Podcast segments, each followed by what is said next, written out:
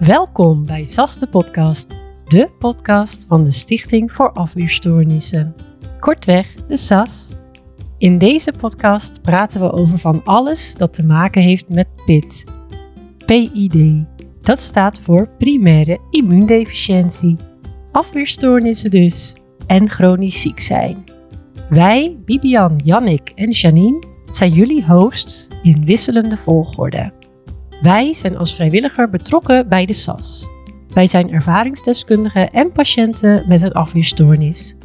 De persoonlijke ervaringen in de gesprekken zijn geen medische adviezen. Vergeet je niet op deze podcast te abonneren op jouw favoriete podcastkanaal. Volg onze socials en blijf op de hoogte over afweerstoornissen.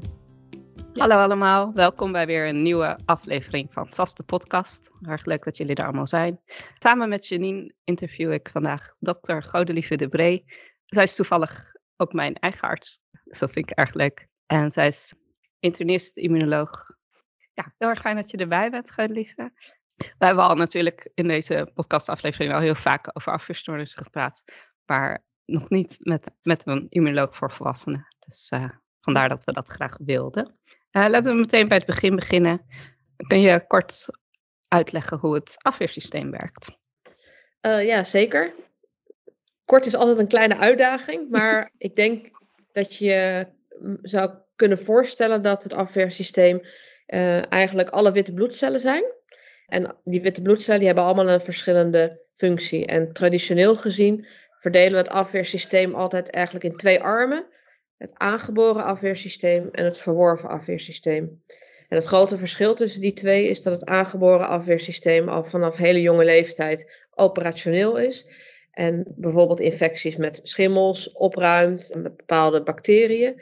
En naarmate je ouder wordt, ontwikkelt het verworven afweersysteem zich. En dat is van belang voor ja, de afweer tegen virussen en bijvoorbeeld gekapselde bacteriën. En het andere verschil tussen het aangeboren en het verworven afweersysteem is dat het verworven afweersysteem eigenlijk heel slim is. Dat heeft een geheugen. En het aangeboren afweersysteem, ja, dat is wat minder slim. Dat heeft geen geheugen en dat ligt eigenlijk altijd klaar in je lichaam om direct, zeg maar, nou, bijvoorbeeld infecties te kunnen opruimen. Dus dat is denk ik heel erg in een notendop hoe het afweersysteem eruit ziet. Dankjewel. En en bij ons, we, wij zijn allebei, Janine en ik zijn allebei gediagnosticeerd met een afweerstoornis. En wat gaat er daar dan precies mis in het afweersysteem? Ja, nou kijk, eigenlijk is, wordt, komt een afweer, uh, afweerstoornis doordat er een fout is in het afweersysteem. En we weten dat bij volwassenen met afweerstoornissen dat, dat, fout, dat die fout in het afweersysteem eigenlijk in alle armen kan zitten. Dus dat kan zowel in dat aangeboren als in dat verworven deel van het afweersysteem zitten. En wat er dan verkeerd gaat, is dat door die fout dat je veel meer vatbaar bent voor infecties. Dus dat kunnen bijvoorbeeld gewone infecties zijn, bijvoorbeeld een longontsteking, die veel vaker voorkomt dan je normaal gesproken zou verwachten. Dus iemand die bij wijze van spreken drie à vier keer per jaar een longontsteking heeft, dat is eigenlijk te vaak. Hè? Dus dat zou een manifestatie kunnen zijn van een afweerstoornis. Maar wat we ook wel eens zien, dat afweerstoornissen helemaal niet per se alleen maar gepaard hoeven te gaan met infecties. Dat het ook gepaard kan gaan met auto-immuunziekten. Dus dat eigenlijk het afweersysteem zich ja, gaat richten tegen lichaams-eigen uh, ja, organen of bloedcellen. En dan heb je dus een auto-immuunstoornis en een afweerstoornis. Een combinatie. Ja, klopt. Ja. Kijk, het merendeel van de mensen die, uit, eh, die blijken een afweerstoornis te hebben, die ja, die komen, dat komt aan het licht doordat je vaak infecties hebt. Dat is het overgrote deel van de patiënten die wij zien. Maar je moet je voorstellen dat ongeveer 10% van de mensen heeft zowel infecties als auto-immuunziekten als mhm. eerste manifestatie van een afweerstoornis. En er zijn zelfs mensen die helemaal zich niet ja, melden met infecties, maar alleen met auto-immuunziekten. Lijkt me best lastig dan om ja. te kunnen onderscheiden van is dit enkel een auto-immuunziekte? Of zit hier nog een afweerstoornis aan vast? Ja, dat klopt. Ja, dat is, dat is ook best wel lastig. En um, daar is niet een gouden regel voor uh, te geven. Vaak is het zo, wat, wat, nou, wat kan helpen is, uh, en dat is wat we op de poli ook altijd doen, nog heel goed kijken naar andere ziekten binnen een familie bijvoorbeeld. Stel iemand heeft een ander familielid met ook een auto-immuunziekte, ja, dan, dan is dat wel suggestief dat er misschien toch een afweerstoornis onder zit.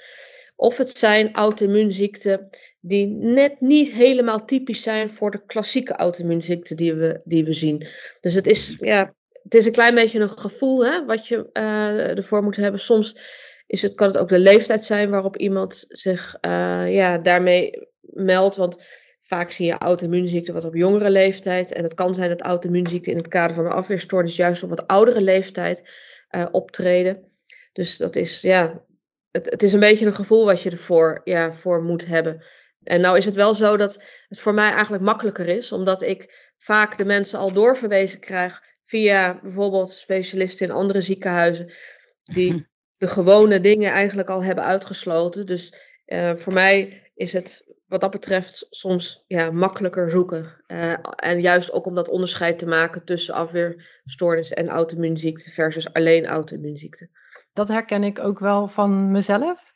Ik kwam voor het eerst bij de uh, internist klinisch immunoloog. Dat was dan in het Erasmus MC.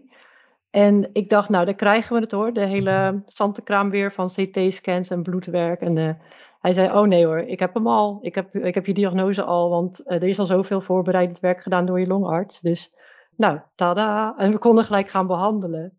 Ja, dus, ja, ja. Dat, dat was wel heel anders als bij een nieuwe specialist in de regel. Dat je weer vaak van of nul gaat beginnen met je familiegeschiedenis. En, uh, en ja, dan wil ja. diegene nog bloedwerk weet niet. Ja, ja. Klopt. Ja, en, en wat denk ik ook uh, goed is de laatste jaren, is dat er steeds meer bekend is hè, over uh, afweerstoornissen en ook hè, dus aangeboren afweerstoornissen. Ook bij bijvoorbeeld de, de, de, specialisten die in de perifere ziekenhuizen werken. Dus dat, dat helpt ook heel erg in, in het herkennen en ook ja, wanneer zou, hè, moet je mensen doorverwijzen. En hoe komt het dat er nu wat meer aandacht voor is? Of dat er nu meer awareness is? Ja, ik, nou, ik denk dat het door het werk van de afgelopen jaren is. Dus onder andere uh, door, uh, nou ja, dat we onder andere vanuit de, wer de werkgroep uh, immuundeficiënties vaker ook presentaties geven op, nou, op congressen. niet alleen voor onze eigen vakgenoten, maar bijvoorbeeld ook voor longartsen of voor kinderartsen of voor internisten. Waardoor ja, je veel meer kennis kan delen. Dus, dus dat is denk ik wel een belangrijke factor. Daarnaast is het ook zo dat er gewoon de veel meer inhoudelijke kennis ook is in de afgelopen vijf à tien jaar over hoe afweerstoornissen ontstaan. En die inhoudelijke kennis die vertaalt zich niet alleen dat wij beter weten hoe we de diagnose moeten stellen en behandeling kunnen geven, maar bijvoorbeeld ook ik, ik, noem een voorbeeld dat hematologen, die bijvoorbeeld patiënten zien met bepaalde afwijkingen aan de witte bloedcellen, die net niet typisch zijn, door meer inzicht in, in hoe afweerstoornissen ontstaan, ook eerder denken van hé, hey, maar dat is toch afwijkend en daar speelt misschien een afweerprobleem. Fijn dat die aandacht er is, ja. En zie je eigenlijk dan ook de afgelopen jaren dat er dus meer mensen gediagnosticeerd worden dan met afweerstoornissen? Dat weet ik niet helemaal zeker. Ik, dat weet ik niet uit mijn hoofd. Ik zou vermoeden van wel. In ieder geval, mijn eigen ervaring is voor de, ja, de aantallen nieuwe uh, patiënten die wij zien hier in het uh, Amsterdam UMC, is dat die aantallen wel toenemen. Ja, het zou kunnen zijn dat dat komt doordat er meer awareness is. Maar ik, ik kan dat niet helemaal nee, zo onderbouwen met, uh, met de harde getallen, zeg maar. Nee, oké. Okay, en als er nou iemand luistert en die denkt, oh ja, misschien heb ik, ben ik inderdaad vaker ziek en heb ik meer infecties dan, dan hoort. Of, of heb ik een auto-immuunziekte en, en denk dat, dat ja, het, het, er moet nog iets meer zijn, want het, het klopt nog niet. Mm -hmm. uh, en misschien heb ik een afweerstoornis. Wat, wat kan diegene dan doen? Nou, ik denk de eerste stap is toch om dat met de huisarts te bespreken. Want de mhm. huisarts die kan ook heel goed helpen in um, differentiëren of er daadwerkelijk nou ja, infecties zijn. Want zoals ik in het begin al zei, is het zo dat je moet ook heel, je, je moet weten wat voor soort infectie er speelt, bijvoorbeeld. Hè? En want mhm. dat helpt heel erg in het denken of iets normaal is of dat iets een abnormaal beloop is. Ten aanzien van bijvoorbeeld de ernst of de frequentie waarmee infecties optreden. Uh, dus daar kan een huisarts ook heel goed in helpen differentiëren. En datzelfde geldt ook voor auto-immuunziekten. Als de huisarts ook denkt van ja, dat zou toch een auto-immuunziekte kunnen zijn, of juist in combinatie met die infecties, dat de huisarts dan ook bijvoorbeeld kan overleggen met een, ja, een ziekenhuis in de buurt waar uh, een van mijn collega's of ik werk, zeg maar. Vaak is het eigenlijk iets als iemand, ja, als je dus denkt, als je zelf een afweerstoornis hebt, dan de triggers kunnen inderdaad zijn infecties en auto-immuniteit. Maar het is ook vaak een beetje een gevoel hè, en een afweging die je moet maken. En dat, dat doen we ook vaak samen met de huisartsen. Van is dit ja, nog een normaal, hè, iets normaals en pech hè, dat iemand iets heeft? Of moeten we verder gaan zoeken? Ja, helder. Dankjewel. En waarom ben je zelf gespecialiseerd in immunologie? Wat uh, trok je aan het veld? Nou, het is het mooiste vak dat er bestaat. nou, ik heb eigenlijk, um, ja, mijn carrière is een klein beetje wat zijwegen genomen. Toen ik klaar was met mijn uh, geneeskunde studie, toen wist ik eigenlijk niet precies wat ik wilde gaan doen, maar ik wist wel dat ik het afweersysteem interessant vond. Dus ik ben toen een aantal jaren promotieonderzoek gaan doen en heb me toen verdiept in hoe, hoe, we, hoe onze afweer bij, bij volwassenen opgebouwd is tegen het griepvirus. En dan met name de, de, de afweercellen die in de long zitten. Nou, daar heb ik toen mijn promotieonderzoek op gedaan en toen ben ik daarna in opleiding gegaan tot longarts. Maar toen na twee jaar dacht ik, ja, longziekte is wel interessant, maar ik, ben, ik zou eigenlijk het, het hele afweersysteem in combinatie met bijvoorbeeld infecties willen gaan behandelen. Dus toen heb ik de overstap gemaakt van de longziekte naar de interne geneeskunde. En toen ben ik eerst gespecialiseerd binnen de infectieziekten. En toen dacht ik, nou, er is volgens mij ook behoefte aan mensen die daarnaast ook heel veel weten van de immunologie, omdat infecties en afweer vaak hand in hand gaan. Dus dan heb ik me daarna ook nog in de immunologie gespecialiseerd. Dus zo is dat gegaan. Zo, wat een berg aan kennis heb je dan bij je, zeg maar, in de loop van de jaren verzameld. Wauw. Ja, ik, ik, hoop het. Ja. ja. ja. Nou, zo, zo, komt het altijd op mij ook altijd over. Ja. Ik heb altijd, ja, altijd, ja, jij kan uit ervaring bam, bam, duidelijk, helder. Zo zit het. Het is altijd heel nou, fijn. Dat is fijn te horen. Ja. Zou je een gemiddelde werkdag willen omschrijven? Um, nou, even kijken hoor. Dat is een kleine uitdaging, want de dagen zien er soms heel verschillend uit. Maar ik denk, uh, gemiddeld genomen is het zo dat ik nou, vaak een halve dag poli. Dus dan, nou, als we, als we bij het begin van de dag beginnen, dan begint het altijd met ons ochtendrapport. Dus daar worden de patiënten op overgedragen die, uh, nou, die opgenomen zijn in het ziekenhuis. En dat geldt niet alleen voor de immunologie, maar dat is eigenlijk voor de hele algemene interne geneeskunde. Uh, dat is s morgens vroeg en daarna begint mijn poli. Nou, dan zie ik een halve dag zie ik, uh, patiënten. En dat zijn soms nieuwe verwijzingen. Uh, soms, en natuurlijk daarnaast de mensen die ik langer in, onder controle heb. En dan, ja, in de middag varieert het heel erg. Ik doe behalve klinisch werk, doe ik ook onderzoek. Dus ik heb soms overleg met de onderzoekers in het laboratorium. Soms hebben we uh, MDO's, dat, heet, dat zijn multidisciplinaire overleggen, waar we bijvoorbeeld ingewikkelde uh, ja, problemen bij patiënten met collega's bespreken, om met elkaar te, ja, te checken of de diagnostiek goed gedaan is, of er goede inzichten zijn ten aanzien van de behandeling. Dus eigenlijk is dat denk ik in een, uh, ja, in een soort doorsnede hoe mijn dagen eruit zien. Nou, je hoeft je niet te vervelen, zo te horen. Nee, uh... nee totaal niet. nee. En wat vind je van al die dingen het leukste om te doen? Heb je hem voor of wisselt dat ook? Misschien. Ja, natuurlijk, de patiënten zien vind je natuurlijk het leukst, toch? nee, nee, nee. Grapje. nou, ik kan wel heel veel energie krijgen van, uh, van polydoen. Ik vind het... Uh, ik vind met name geloof ik ook heel leuk dat ik mensen langer vervolgen. Kijk, mensen met een afweerstoornis, die, ja, ja, die heb je helaas nou eenmaal. En dat, dat blijft bij je. Dus ik zie mensen gewoon jarenlang. Uh, waardoor je elkaar ook heel goed leert kennen. Dus ik vind het vaak ja, hartstikke leuk om dat te doen. En uh, ja, dat is oprecht uh, iets waar, ja, wat mij dus energie geeft. Wat ik daarnaast ook wel heel leuk vind, is, ik zei, ik zei dat ik er ook onderzoek doe, dat ik de vertaalslag kan maken tussen soms de problemen die ik in de klinische praktijk zie en onderzoek wat je ernaar zou kunnen doen, waarbij inzicht in onderzoek vervolgens ook verhelpt om de klinische problemen op te lossen. Ik vind dat ook wel heel erg leuk. En ja, tenslotte is het zo dat, af, dat we eigenlijk elke dag weer meer leren over de achtergrond van afweerstoornis. En dat het soms zo is dat we, uh, stel ik krijg een nieuwe patiënt op mijn poli, dan kan je een diagnostische test doen. Nou, en dan hebben we diagnostische testen die we altijd doen. Maar er zit ook eens op een gegeven moment een soort grijs gebied tussen dat wat je weet dat je moet doen en wat je zou kunnen doen, omdat we simpelweg nog niet alles weten over een afweerziekte. En juist op dat grensvlak uh, werken vind ik ook wel heel erg leuk, want dat leert ons steeds meer over, nou ja, wat is de achtergrond van een, iemand met een afweerstoornis? Hoe komt het? En ja, ik vind het ook iedere keer weer een uitdaging dat, ja, het is misschien een no-brainer, maar toch is het zo, niemand is hetzelfde. En afweerstoornissen kunnen zich zo divers uh, manifesteren, dat, je iedere, dat ik iedere keer heel scherp moet blijven om te kijken van, nou, wat is er nou exact aan de hand?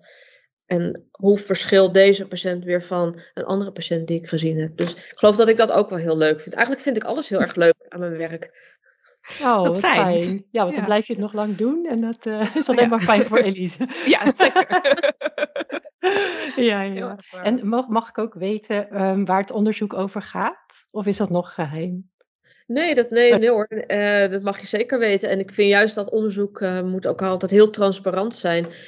Uh, ik doe vers verschillende soorten onderzoek. Dus voor de afweerziekte doe ik onderzoek samen onder andere met Taco Kuipers kinderarts hier in het uh, ziekenhuis. En we kijken heel specifiek of we, uh, naar hoe B-cellen, dus de, hè, de witte bloedcellen die antistoffen maken en waar vaak uh, de oorzaak ligt bij CVID. Nou, hoe, die, hoe het nou komt dat die niet goed functioneren of daar in de aansturing van die B-cellen iets misgaat. Dus dat is onderzoek waar, waar ik mee bezig ben en dat doen we aan de hand van kinderen, maar ook van volwassenen. En daarnaast heb ik nog een andere onderzoekslijn en die gaat eigenlijk niet over aangeboren afweerstoornissen, maar die gaat eigenlijk over HIV-AIDS. Waarin we kijken van nou, bij die infectie, hoe komt het nou dat het virus invloed heeft op het afweersysteem? Dus dat is eigenlijk ja, op zich een heel ander onderwerp, waarbij het wel zo is dat mechanismen die we onderzoeken heel veel overlap hebben met onderzoek naar uh, afweerziekten. Nou, daar ben je ook nog wel even mee bezig. Dat lijkt me een, uh, heel vraagstuk om uh, te beantwoorden. Ja. ja. Ja, zeker. En daarnaast misschien ook wel aardig voor, ook om in de podcast te vertellen, is het ook zo dat we binnen Nederland ook onderzoek doen, waar ik natuurlijk ook uh, mijn bijdrage vanuit het AUMC lever. Waarbij we bijvoorbeeld kijken naar uh, hoe moet je bijvoorbeeld patiënten behandelen die longbetrokkenheid hebben, hè, die ontsteking van de longen hebben bij bijvoorbeeld CVID. Mhm. En ja, dat is best een lastig vraagstuk. En uh, dat het toch zeldzame ziekten zijn, is er niet één uh, richtlijn daarvoor. Dus we zijn bijvoorbeeld aan het onderzoeken van, nou, wat doet iedereen eigenlijk in die behandeling? En is dat, uh, zijn er redenen om te denken dat, dat, ja, dat we dat goed doen of moeten we daar dingen in aanpassen? Dus dat is, ja, dat is eigenlijk wat meer klinisch onderzoek. Ja, fijn. Dan heb ik nog, en die heb je misschien ook al een beetje beantwoord, maar misschien is er nog meer. Wat, wat wens je nog op immunologisch gebied in de toekomst voor met name afweerstoornissen? Ja, nou, een van de dingen waarvoor, waar ik echt hoop dat er over de komende jaren doorbraken zullen komen, is dat we, uh, we aan de ene kant weten we steeds beter hoe uh, afweerstoornissen ja, tot stand komen. En als je bijvoorbeeld heel erg denkt over de genetische oorzaak, hè, dus de, de erfelijke fout die er soms zit in het afweersysteem, die we ook daadwerkelijk kunnen aantonen, betekent dat ook dat je precies weet waar het misgaat hè, in de afweer en waarom iemand uiteindelijk daar last van krijgt. Ik denk dat een van de hopelijk gebieden die zich verder zal ontwikkelen, is het ontwikkelen bijvoorbeeld van gentherapie, waarbij je fouten in het afweersysteem zou kunnen gaan herstellen. En daar, daar is al uh, wat onderzoek, ja, er wordt al onderzoek naar gedaan en er zijn ook al eerste studies in voorbereiding die gentherapie in, in mensen gaan onderzoeken. Ik denk dat dat heel erg mooi zou zijn als, we, uh, ja, als, als dat verder ontwikkeld kan worden. Maar goed, dat is niet iets wat, we, wat volgend jaar beschikbaar is. Maar waarvan ik wel zelf zou hopen dat over de komende jaren we daar steeds verder in, in komen. Ja, dat, dat hopen wij ook. We hebben al eerder ook een aflevering gehad met professor Frank Staal. Ook oh, ja. over Cure for Life. Dat ging ook over stamcelgentherapie, als ik het ja, goed heb. Precies, ja, dat bedoel ik ook. Ja, ja, ja. Ja. dat zou echt een, een curatieve behandeling zijn. Dus een, een behandeling die gewoon de afweerstoornis oplost. Dan heb je het gewoon niet meer. Ja, nee, ik denk dat we dat allemaal wensen als patiënt. Ja, en, en misschien daarnaast op wat kortere termijn is het zo dat om, ook om, omdat we weten vaak nu nou niet vaak, maar in, in nou, een aanzienlijk deel van de gevallen weten we waar de fout zit, dat je veel gerichtere behandeling kan geven. Dus stel, hé, je hebt, kijk, infecties kun je behandelen met antibiotica of bijvoorbeeld immuunglobuline uh, infusen.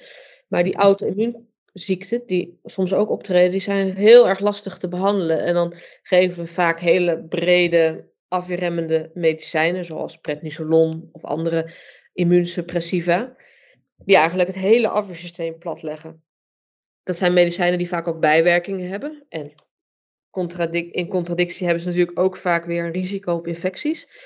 Maar er zijn steeds meer studies die uh, laten zien dat je soms ook als je weet waar de fout zit, hele gerichte behandelingen kan geven. Waardoor je misschien kan voorkomen te behandelen met prednisolon of andere brede afweerremmende medicatie. Maar heel erg gericht op daar waar het verkeerd gaat in het afweersysteem. Nou, dat is wel, wel een gebied wat nog echt in de kinderschoenen staat. Maar waarvan ik wel denk dat we echt over de komende jaren wel snel uh, stappen kunnen gaan zetten. Wat nou, goed. Mooi om te horen. Ook, ja. Is fijn, heel erg bedankt. Was, uh, ja, ik zou zeggen eigenlijk gewoon een goede masterclass in immunologie. Ja, dat, uh, heel fijn en heel nuttig is. Dus heel erg bedankt. Iedereen ook heel erg bedankt voor het luisteren en tot de volgende keer. Bedankt voor het luisteren naar deze aflevering van SAS de podcast. Over zo'n 14 dagen mag je weer een nieuwe aflevering verwachten. Heb jij je al geabonneerd op SAS de podcast bij bijvoorbeeld Spotify? Dan krijg je automatisch een melding wanneer er een nieuwe aflevering online staat. Tot de volgende keer!